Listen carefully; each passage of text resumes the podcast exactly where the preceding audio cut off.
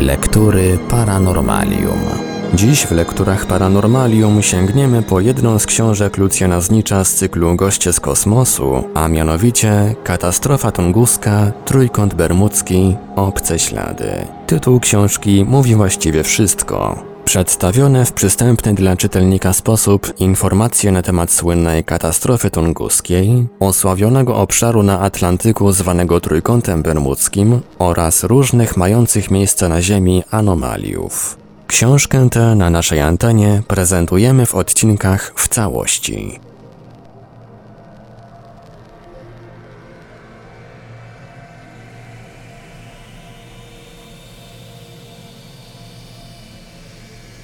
Czy łabędź ma czarną dziurę? Aby wyjaśnić niezwykłą osobliwość czarnej dziury, trzeba chyba zacząć od teorii kosmonautyki. Otóż powszechnie wiadomo, że dla przezwyciężenia siły ciążenia Ziemi, wystrzeliwanemu z jej powierzchni statkowi kosmicznemu należy nadać tak zwaną drugą prędkość kosmiczną. Wynosi ona 11,2 km na sekundę i dopiero po jej osiągnięciu statek kosmiczny zdolny jest do wyruszania w przestrzeń międzyplanetarną. Ta druga prędkość kosmiczna na posiadającym olbrzymią masę Słońcu wynosić już będzie jednak nie dziesiątki, ale setki kilometrów na sekundę. A jeśli w naszych rozważaniach teoretycznych masę ciała niebieskiego będziemy zwiększać w dalszym ciągu, druga prędkość kosmiczna wzrośnie stopniowo do tysięcy, dziesiątków tysięcy, a w końcu i setek tysięcy kilometrów na sekundę. Równoległość ta jednak nie jest nieograniczona. W chwili, gdy masa ciała wzrośnie do tego stopnia, że startujący zeń statek dla pokonania sił grawitacyjnych będzie musiał osiągnąć prędkość początkową przekraczającą 300 tysięcy km na sekundę, pojęcie drugiej prędkości kosmicznej straci w ogóle sens. Prędkości takiej bowiem nie potrafi uzyskać nie tylko żadne materialne ciało świata, ale nawet światło. Od tej chwili ciało takie, dzięki niesamowitej sile grawitacyjnej, ściąga jak do worka bez dna całą okoliczną materię, a z powierzchni jej nie jest zdolna wystartować nie tylko żadna cząstka materii, ale nawet nie mogące osiągnąć dostatecznej prędkości korpuskuły, czyli cząstki światła. Czyli jest to prawdziwa czarna dziura, jak to obrazowo nazwał swego czasu Wheeler. Wszystko pochłania, a nic nie wydziela, nawet blasku światła. Aby rzetelniej uzasadnić rzeczywiste istnienie tak dziwnych, teoretycznych przecież jak na razie tworów we wszechświecie, już w latach 30. cała szkoła fizyków zabrała się do opracowywania mechanizmu powstawania takich czarnych dziur. Nie bez rezultatów. Otóż z ich wciąż jeszcze tylko teoretycznych obliczeń wynika, że niektóre dostatecznie masywne gwiazdy w końcu swej ewolucji w wyniku pewnych, dostatecznie skomplikowanych, by ich tu nie omawiać, procesów, mogą dojść do stadium swego rodzaju wybuchu w głąb, tak zwanego grawitacyjnego kolapsu, zapadnięcia się, w wyniku którego masy ich zgęszczają się do nieprawdopodobnych rozmiarów, zaś siły własnej grawitacji wzrastają do takiego stopnia, iż ciała takiego nie może już opuścić ani światło, ani jakakolwiek cząstka materialna. Teraz do czarnych dziur zabrali się astronomowie. No bo jeśli są one naturalnym stadium ewolucji gwiazd, nie mogą więc być we wszechświecie zjawiskiem unikalnym. Wręcz przeciwnie, powinny one być nawet bardzo powszechne. A fakt, iż dotychczas nie udało nam się stwierdzić tego empirycznie, zawdzięczamy jedynie temu, że przecież są one czarne. Ba, obliczenia niektórych matematyków wykazują nawet, że ogólna masa wszechświata jest około dwukrotnie większa od sumy wszystkich widzialnych ciał niebieskich. Wytłumaczenie tego zjawiska jest proste. Połowa tej masy jest zamknięta w czarnych dziurach. Ale wówczas powstał nowy dylemat. Jeżeli czarne dziury są we wszechświecie aż tak powszechne, wręcz niemożliwe przecież, aby nie było sposobu empirycznego stwierdzenia istnienia choćby jednej z nich. I sposób taki już został odkryty. Jest nim wyławianie czarnych dziur z systemów gwiazd podwójnych. Według naszej współczesnej wiedzy ponad 50% gwiazd nie egzystuje samodzielnie, tylko w swego rodzaju gwiazdowych stadłach, systemach gwiazd podwójnych. W każdym takim systemie siła odśrodkowa kręcących się gwiazd odpowiada dokładnie ich wzajemnemu przyciąganiu, skutkiem czego obie gwiazdy, na stałe związane ze sobą, obracają się wokół wspólnego środka ciężkości. Czasem udaje nam się stwierdzić, że obie gwiazdy świecą własnym blaskiem, czasem jednak świeci tylko jedna z nich. Do niedawna jeszcze zakładano w takich wypadkach, że ta druga gwiazda, pozbawiona blasku, jest po prostu tak wiekowa, iż już całkowicie wygasła. W roku 1965 jednak naukowcy radzieccy Zeldowicz i Gusiejnow zwrócili uwagę, że równie dobrze mogą to być właśnie czarne dziury. Odtąd zaczęło się istne wszechświatowe polowanie. W roku 1972 londyńskie Nature podało, że astrofizycy amerykańscy Gibbons i Hawking oskarżyli o ukrywanie czarnych dziur systemy gwiazd podwójnych HD 176318, HD 194495 i 202 GSGR, zaś inni, znany zresztą od dawna system gwiazd podwójnych beta w gwiazdozbiorze Lira. Najwięcej jednak nadziei wzbudziła podwójna X1 w konstelacji Łabędź. Zgodnie z założeniami teoretycznymi, gdy czarna dziura znajduje się w pobliżu dużej masy gwiazdy, powinna wsysać w siebie bez przerwy gazy otaczające tę gwiazdę. Gazy te, zgodnie z teorią, mkną więc po spirali ku czarnej dziurze, rozgrzewając się po drodze do tak wysokiej temperatury 100 milionów stopni Celsjusza, że muszą w końcu wysyłać silne promieniowanie rentgenowskie. I oto wystrzelony w 1970 roku włoski satelita Uhuru po raz pierwszy stwierdził istnienie w tym rejonie nieba promieniowania rentgenowskiego. Wysłany trzy lata później radziecki satelita Kopernik nie tylko umiejscowił dokładne źródło promieni rentgenowskich właśnie w gwieździe podwójnej gwiazdozbioru Łabędź, ale ustalił nawet periodyczność ich zanikania, gdy w toku obrotów jasna gwiazda podwójnej zasłania sobą czarną dziurę na 5,6 doby. Dalszych szczegółów funkcjonowania tego systemu dostarczył wystrzelony w roku 1974 z amerykańskiej bazy lotniczej Vandenberg satelita holenderski ANS. Prawdopodobieństwo istnienia w układzie podwójnym Cygnus X1 czarnej dziury ocenić należy na 80%. Pisali w roku 1975 w Astrophysical Journal Letters wykładowca fizyki teoretycznej w Kalifornijskim Instytucie Technologicznym Torne i fizyk z Uniwersytetu w Utah Price. Ale w roku 1976 Brecher i Caporaso z Instytutu Technologicznego w Massachusetts na łamach Sky and Telescope równie autorytatywnie stwierdzili, że ciemny człon w zespole Cygnus X1 to nie żadna czarna dziura, tylko zwykła gwiazda neutronowa. Więc co? Ślad się znów urywa?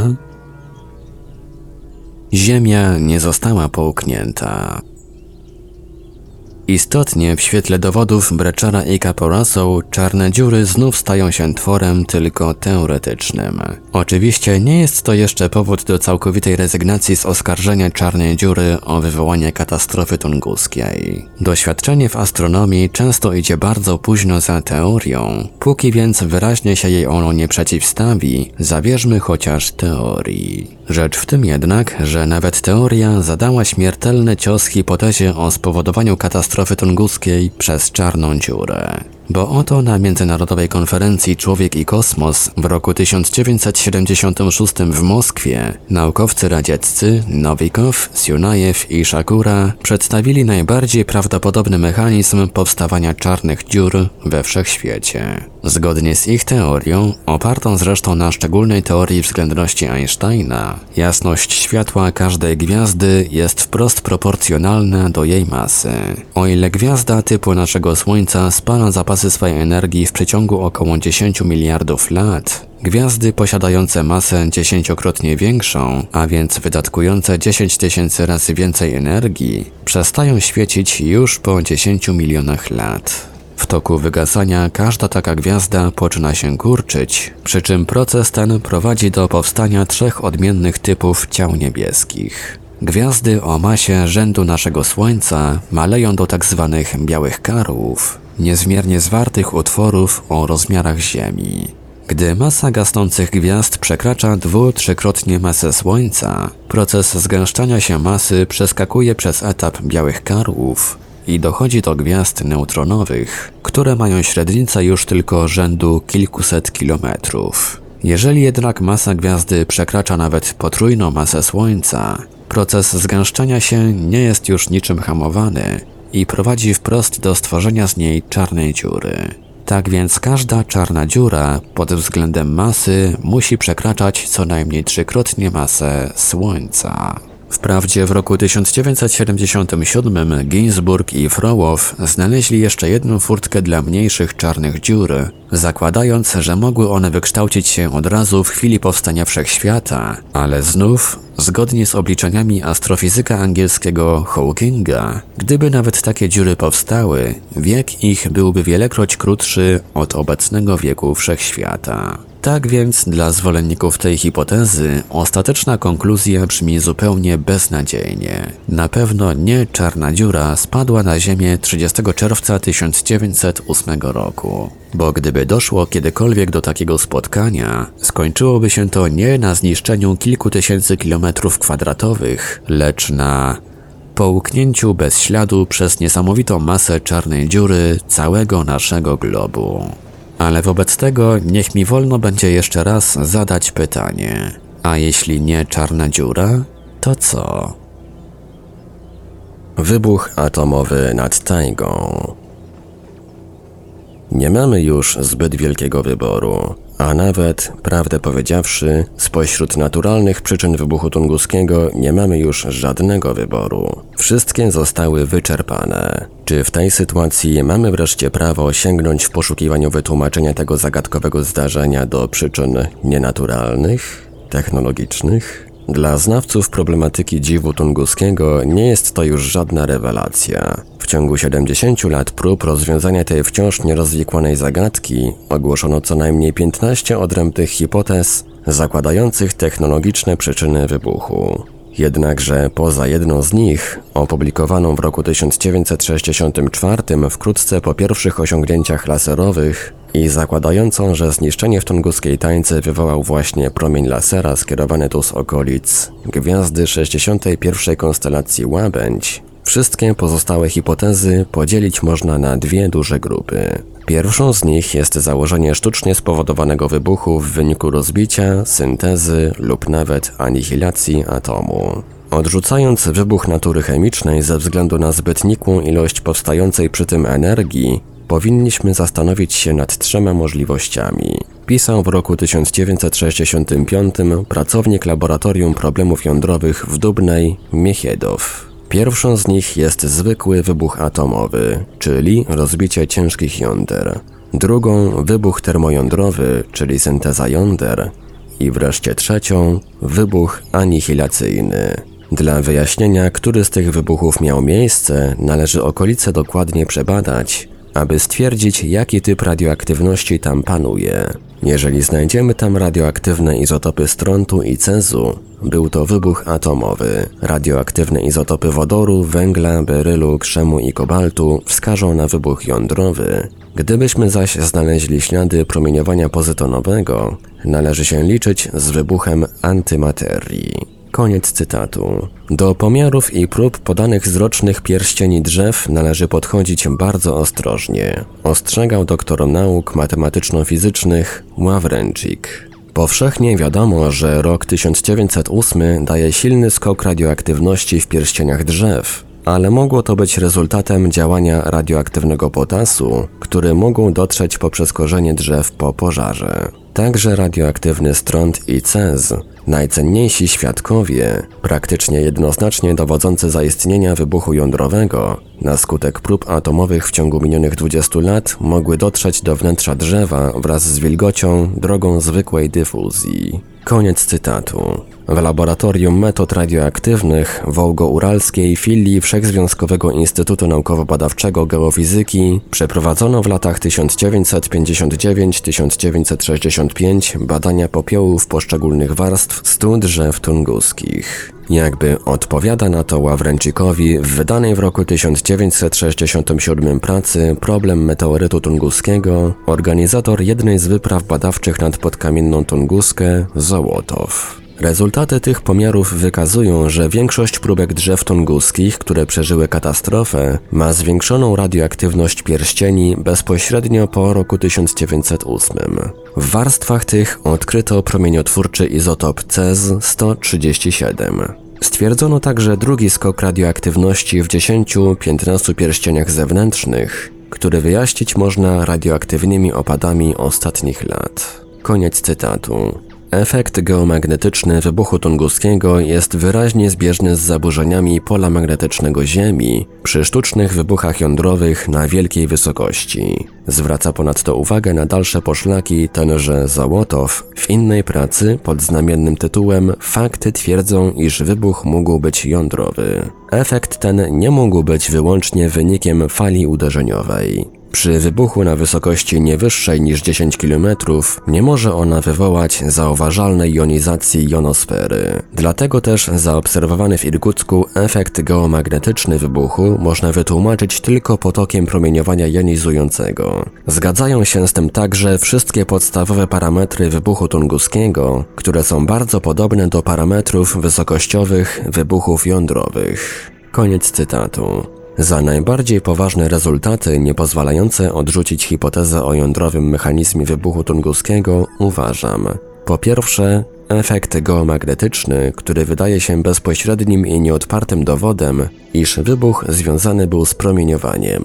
Po drugie, stosunkowo wysoki udział energii świetlnej w porównaniu z energią zniszczeń mechanicznych. Po trzecie, rezultaty badań Libiego i współpracowników wykazujące zwiększoną zawartość izotopu promieniotwórczego węgla C14 w pierścieniach roku 1909 drzew półkuli północnej. Uzupełnia wreszcie te wywody Wasiliew. Czy można jeszcze coś do tego dodać? Okazuje się, że tak. Oto w sprawie tej dwa lata później zabiera jeszcze raz głos Miechiedow, który w pracy pod tytułem O radioaktywności popiołu drzew w rejonie katastrofy tunguskiej, wydanej w Dubnie w 1967 roku, stwierdza dosłownie: Ponieważ nieznane są nauce przypadki wyzwalania się promieniowania na skutek upadku meteorytu, pomiary nasze całkowicie odrzucają hipotezę meteorytową.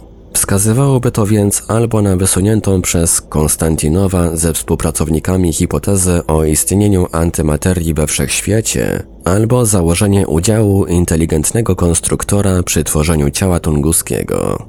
Innymi słowy, ponownie, jakby to nie wyglądało fantastycznie, wracamy do przypuszczenia, że katastrofa tunguska wywołana została awarią statku kosmicznego. Więc wreszcie padły te znamienne słowa.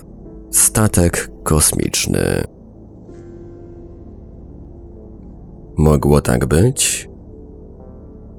Spróbujmy porzucić myśl o meteorze i spójrzmy na wszystkie niezrozumiałe fakty inaczej. Apelował już 16 lat przed wnioskiem Mechedowa znany swego czasu radziecki popularyzator nauki Liapunow. Był to statek, rakieta kosmiczna. Pisał w roku 1951. Jaka ona była? Kim byli jej pasażerowie? Skąd przybyła do naszego układu planetarnego? Wreszcie, co się z nią stało podczas lotu? Tego nie wiemy. Rakieta kosmiczna zmuszona była do lądowania na Ziemi. Ziemia, do której podróżnicy międzyplanetarni przybyli dobrowolnie czy przymusowo, ma dosyć gęstą atmosferę. Posiada równe i dogodne do lądowania obszary. Podróżnicy powinni byli zmniejszyć prędkość, by zacząć bezpieczne opuszczanie się. W przeciwnym bowiem razie mogli ulec spaleniu w atmosferze. Opisując elipsy dookoła Ziemi, stopniowo zmniejszali prędkość, korzystając z oporu atmosfery. Silniki prawdopodobnie były już uszkodzone i dopiero bezpośrednio przed samym lądowaniem udało się je uruchomić. Były to silniki rakietowe. Prawdopodobnie działały na zasadzie odrzutu jakiejś substancji wyrzuconej z dużą prędkością, być może produktów rozpadu materii. Uszkodzenia rakiety widocznie okazały się poważne, skutkiem czego podróżni postanowili lądować, mimo iż prędkość była jeszcze znaczna. Ziemię widzieli z dużej wysokości, to też mogli wybrać do lądowania łatwo dający się zauważyć duży, dogodny teren. Obszary Mongolii, równe, bezleśne, były jakby przygotowane do przyjęcia statku kosmicznego. Tereny te zwróciły uwagę podróżników, gdy zwlekać z lądowaniem było już niebezpiecznie. Być może dla pomyślnego lądowania powinni byli dokonać jeszcze jednego lub kilku okrążeń Ziemi i dopiero wówczas rozpocząć opuszczanie się. Podróżni zaryzykowali jednak lądowanie przedwczesne. Przy znacznej prędkości lotu korpus rakiety rozżarzył się na skutek tarcia o powietrze jak meteor. Podróżni próbowali zmniejszyć prędkość uruchamiając silniki hamujące, działające z przerwami. Oto dlaczego słychać było przerywane głośne wybuchy, przypominające odgłosy silnika rakietowego. Tymczasem statek, tracąc prędkość, znalazł się na obszarze podkamiennej Tunguski. Należało niezwłocznie lądować, okolica jednak okazała się do tego nieodpowiednia z powodu pagórków i rzek. Trzeba było koniecznie przelecieć nad tymi miejscami. Podróżni zwrócili rakietę dziobem ku górze i uruchomili silniki. Wydobywające się z nich strumienie gazów kładły las pokotem, powalając drzewa wierzchołkami w kierunku przeciwnym lotowi. Rakieta straciła jednak swą równowagę i zmieniała położenie dookoła swojej osi, tracąc wysokość. Dlatego pęd kładł las niejednolitą aleją, lecz wyrywał oddzielne miejsca. Gdy rakieta utrzymywała się na stosunkowo znacznej wysokości, rozcieńczone powietrzem strumienie gazów tylko przewracały drzewa, lecz nie opalały ich. Podróżni, przeleciawszy ponad pagórkami, znowu uruchomili silniki, spodziewając się znaleźć stosunkowo równy teren. Pęd powietrza i wydzielanych spalin był tak silny, że podczas lotu rakiety na niższej wysokości drzewa w lesie nie tylko ulegały przewróceniu, lecz i spaleniu. Wreszcie rakieta skierowała się pionowo do ziemi i zaczęła spadać, przy czym podróżni spadek ten próbowali hamować pracą silników. Przy pionowym spadaniu rakiety nastąpiło opalenie koron drzew. Wszystko to odbyło się w ciągu bardzo krótkiego czasu. Oto dlaczego początkowo niespalony las był powalony w jednym kierunku, w kierunku toru lotu. Oto dlaczego las bliżej miejsca spadku był nie tylko powalony, ale i spalony. Oto dlaczego ocalały pnie pojedynczych drzew, słupy telegraficzne. Taki właśnie obraz zauważyć można po wystrzeleniu z lasu dużych rakiet, gdy prądy gazu z silników rakietowych skierowane zostają pionowo ku ziemi. Skutki przez nie wywołane zadziwiająco przypominają to, co możemy zobaczyć na fotografiach dokonanych w miejscu, gdzie spadło tunguskie dziwo. Tu nastąpiła katastrofa. Być może przed samym spadkiem rakiety eksplodowały resztki paliwa i rakieta uległa zniszczeniu. Oto dlaczego w miejscu spadku powstał wachlarz zwalonego lasu. Fala wybuchu powaliła drzewa dookoła. Oto dlaczego jaśniało w nocy niebo po spadku rakiety. Produkty wybuchu i odrzutu z silników uniosły się w górne warstwy atmosfery i rozprzestrzeniając się spowodowały powstanie wspaniałych zórz nocnych i świecących obłoków. Tak tłumaczą się fakty, które trudno wyjaśnić tylko spadkiem olbrzymiego meteoru. Nie mówimy nic o zjawiskach sejsmicznych towarzyszących spadkowi, ponieważ jednakowo dobrze tłumaczą się one zarówno przypuszczeniem, że spowodował je olbrzymi meteoryt, jak i założeniem, że była to rakieta kosmiczna. Wszystkie pozostałe zjawiska tłumaczy tylko to drugie założenie. Zadziwiająco bowiem zgadza się to, co łączy się z wyjątkowym meteorytem tunguskim z tym, co mogło nastąpić przy lądowaniu na Ziemi uszkodzonego statku kosmicznego. Wydaje się, że istotnie mogło tak być. Koniec cytatu.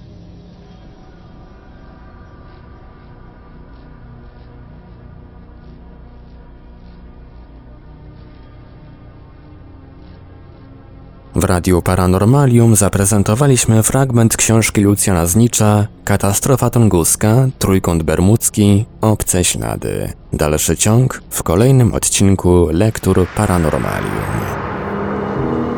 Archiwalne odcinki Lektur Paranormalium znajdziesz do pobrania w archiwum naszego radia na stronie www.paranormalium.pl